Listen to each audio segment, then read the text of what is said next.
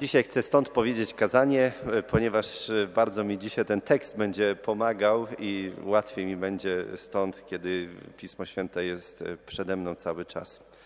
Na samym początku mamy czytanie z Księgi Powtórzonego Prawa i widzimy zachwyt Izraela nad tym, że Bóg nie jest Bogiem dalekim, ale jest Bogiem bliskim, przez co Bóg stał się Bogiem bliskim dla Izraelitów. Wyobrażamy sobie, że Mojżesz wyprowadza Izraelitów z Egiptu, z domu niewoli i prowadzi ich przez pustynię. I oni muszą się zorganizować w jakikolwiek sposób, muszą zbudować społeczność. No i teraz dostają prawo od Boga. To, to prawo, które dostają, dziesięć przykazań, wykuwają na dziesięciu e, na tablicach kamiennych. Te kamienne tablice wkładają w skrzynię, którą nazywają Arką Przymierza, i ta arka staje się już stałym symbolem obecności Pana Boga pośród swojego ludu. Czytaliśmy tutaj, bo któryż wielki naród ma bogów tak bliskich jak Pan Bóg nasz, ilekroć go wzywamy? Któryż wielki naród ma prawa i nakazy tak sprawiedliwe, jak całe to prawo, które ja wam dziś daję? Izraelici nie potrzebowali króla żadnego ludzkiego, który by dawał im jakiekolwiek zasady, bo bardzo wierzyli, że Bóg się troszczy o nich i cały czas dba o nich i to prawo, które im zostawił jest doskonałe i sprawiedliwe i ono pomaga im budować właśnie tę społeczność narodu wybranego.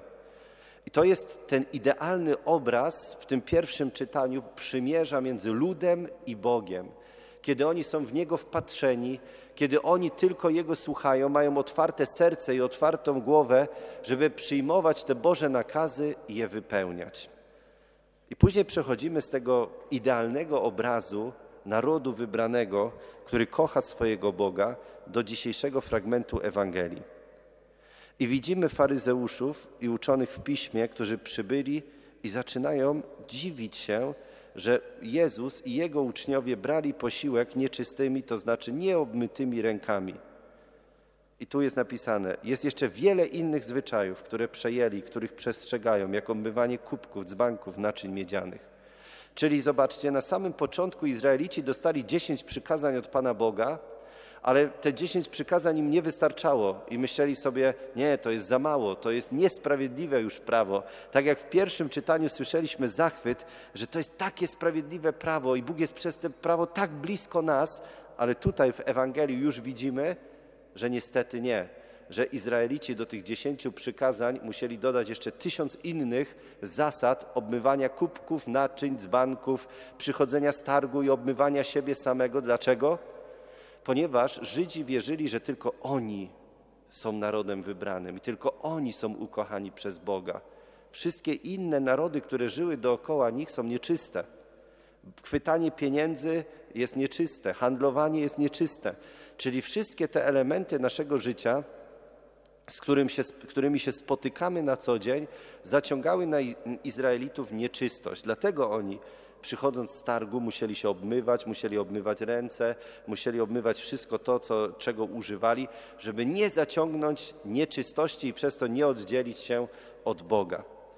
I każdej wspólnocie grozi takie niebezpieczeństwo, że właśnie do tego, co dostali od Boga, będą dodawać mnóstwo innych zasad, które siłą rzeczy pochłoną tyle energii, że my nie będziemy w stanie dostrzec, dotrzeć do tego, co Bóg nam zostawił i co jest istotą i prawem. Zapytali więc go faryzeusze, dlaczego twoi uczniowie nie postępują według tradycji starszych, lecz jedzą nieczystymi rękami. I odpowiedź Jezusa jest niesamowita. Ten lud, może Jezus rzeczywiście no, chciał sprowokować to pytanie, może chciał im pokazać, że zajmujecie się drugorzędnymi sprawami, mało ważnymi, a skupcie się na tym, co istotne. I dlatego mówi, ten lud czci mnie wargami, lecz sercem swym daleko jest ode mnie. Czci mnie na próżno, ucząc zasad podanych przez ludzi. Uchyliliście przykazania Boże, a trzymacie się ludzkiej tradycji. Jezus zostaje powiedział nam Ewangelię. I Jezus upraszcza wszystko w tej Ewangelii.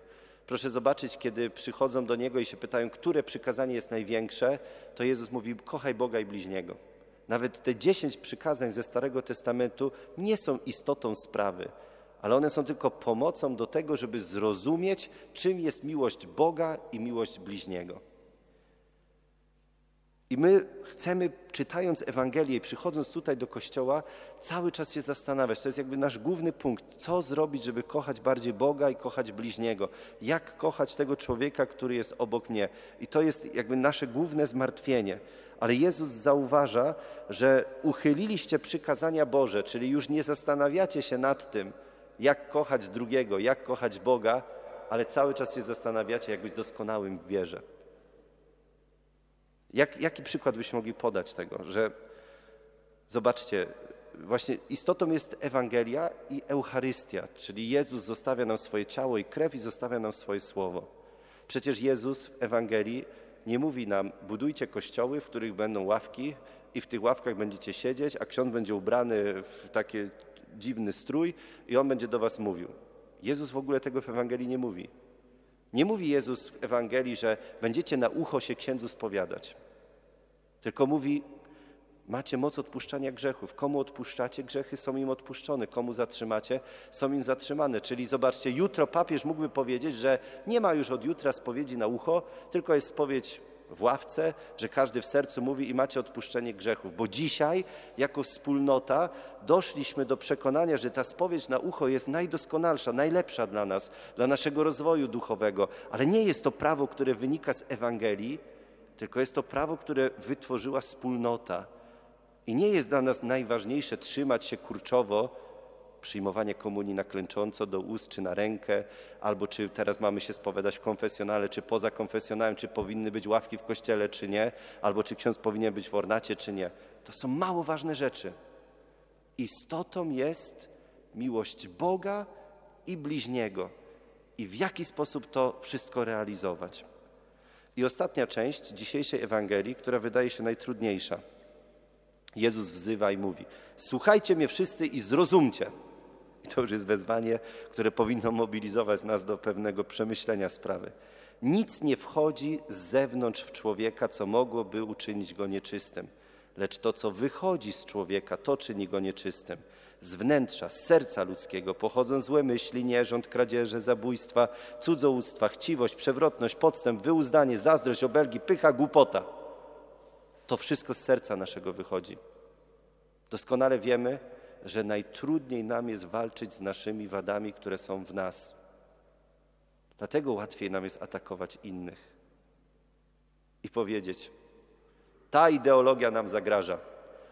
Ją trzeba zlikwidować, bo jak ją zlikwidujemy, to będziemy bezpieczni. A tu jeszcze zbudujemy jeden mur, żeby oddzielić się od tych, którzy nam zagrażają.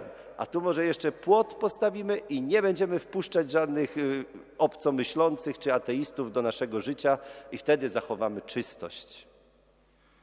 Łatwiej jest walczyć z wrogiem zewnętrznym niż z tym, co rodzi się w naszym sercu. Łatwiej jest skazać u innych błędy, niż zauważyć to, co rodzi się w moim sercu i ze mnie wychodzi.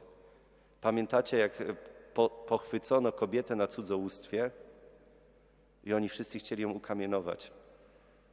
Dlaczego? Bo myśleli sobie, że jak się pozbędziemy tej kobiety, to już wszyscy będziemy bezpieczni od pokus i już nie będziemy korzystać z jej usług, będziemy wolni. Jezus przychodzi, zaczyna pisać coś na ziemi, mo, może ich imiona, nie wiem, może ich grzechy, ale oni wszyscy zaczynają odchodzić. I Jezus mówi: Nikt cię nie potępił, ja ciebie nie potępiam bo w sercu tych ludzi było głównie zło, a nie w Tobie, że jak się Ciebie pozbędziemy, to zło minie. I dlatego Ewangelia nie jest jakimś skansenem, nie jest jakąś historią. Naszym zadaniem w Kościele nie jest pielęgnowanie wiary przodków od Mieszka aż do dzisiaj, y, utrzymywanie stanu katedr i innych budynków, które zbudowaliśmy na przestrzeni tysiąca lat Ewangelia jest czymś tak prawdziwym i żywym, że kiedy wybucha druga wojna światowa i jest zło wszędzie dookoła, my musimy się zastanowić, jak żyć tą Ewangelią dzisiaj, w obozie koncentracyjnym, jak żyć wtedy, kiedy ludzie zabijani są dookoła nas. Przychodzi komunizm, religia jest zwalczana, dzieje się zło i znowu my musimy przewartościować wszystko w nas, przerobić wszystko w naszym sercu i zastanowić się, jak tą Ewangelią dzisiaj żyć. Nie zbudować znowu mur, żeby zachować to, co było, tylko trzeba to na nowo przerobić.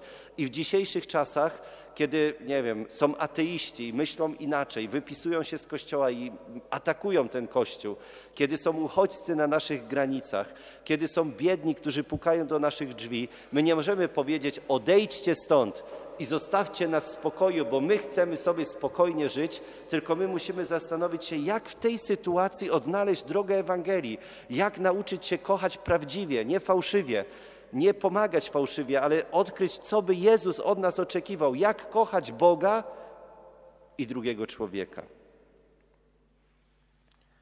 I dzisiejsze drugie czytanie. Kiedy Jakub wzywa nas do pewnego konkretnego działania. I pierwsze zdanie, które wypowiada Jakub, jest piękne. Przyjmijcie w duchu łagodności, w duchu łagodności zaszczepione was słowo, które ma moc zbawić dusze wasze. Kiedy w naszym sercu dzisiaj chciałoby się zrodzić odpowiedź na wszystkie pytania i wszystko to, co tutaj, o czym tutaj mówię, i chcielibyście znaleźć tak szybko rozwiązanie, odpowiedź. Nie, ten ksiądz mówi dobrze, albo ten ksiądz mówi źle. To jest niedobrze, bo Ewangelia nie jest czymś, co ma nam dać rozwiązanie od razu. Ewangelia jest czymś do przemyślenia, jest czymś do medytowania, do kontemplowania. Ewangelia jest czymś, co nosimy w naszym sercu po to, żeby nie było tam miejsca na grzech i dlatego w duchu łagodności chcemy ją przyjąć i zaszczepić w nas, żeby ona w nas żyła, a nie była tylko wskazówką do naszego prywatnego życia. Dalej mówi Jakub: Wprowadzajcie zaś słowo w czyn, a nie bądźcie tylko słuchaczami oszukującymi samych siebie. Nie można tylko siedzieć i rozmyślać, tylko musi przyjść moment realizacji. Ja już dziś muszę zacząć żyć Ewangelią. Ja dziś muszę zacząć kochać. Ja dziś chcę odpowiedzieć na słowo Jezusa. I ostatnie zdanie Jakuba. Religijność czysta i bez skazy wobec Boga i Ojca jest taka. Konkretnie, opiekować się sierotami i wdowami w ich utrapieniach, zachować siebie samego nieskażonym wpływami świata,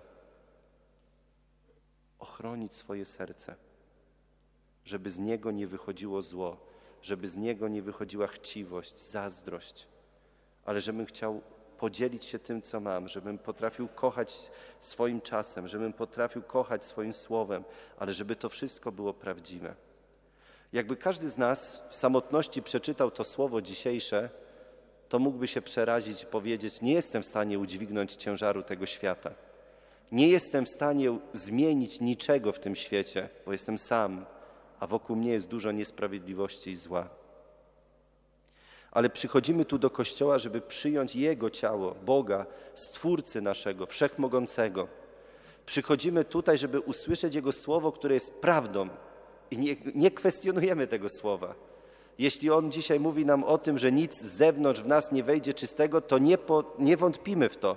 Jeśli On wyśmiewa obłudę naszą, że zajmujemy się sprawami drugorzędnymi, mało ważnymi, ludzkimi, no to nie kwestionujemy tego, co mówi Jezus, tylko chcemy w pokorze przyjąć to i powiedzieć: Tak, panie, ty masz rację, nie chcę być obłudnikiem, ale chcę Tobie wierzyć. I kolejnym umocnieniem jest to, że jesteśmy tu razem dzisiaj, we wspólnocie. Jak każdy z Was się rozejrzy, to zobaczcie, że nas nie ma tutaj 10 osób, 20. Nas setki są ludzi, którzy idą drogą Ewangelii, tysiące, którzy wybierają Jezusa, siedząc tutaj dzisiaj na Pana swojego życia, którzy pozbywają się grzechu, tego wszystkiego, o czym czytaliśmy ze swojego serca, po to, żeby w tym sercu, w duchu łagodności zaszczepić Ewangelię i nią żyć. Nie jesteśmy sami, ale jesteśmy razem po to, żeby zmieniać ten świat na lepsze i odczytywać w prawdzie Ewangelię. Nie uleczymy świata, wykluczając kogokolwiek, potępiając kogokolwiek, oceniając kogokolwiek. Nie uleczymy tego świata, budując jakiekolwiek mury, granice, uszczelniając systemy. Uzdrowimy tylko nasz świat wtedy, kiedy zauważymy, że z nas wychodzi to, co najgorsze. I tylko Jezus jest w stanie uzdrowić to, co jest w nas.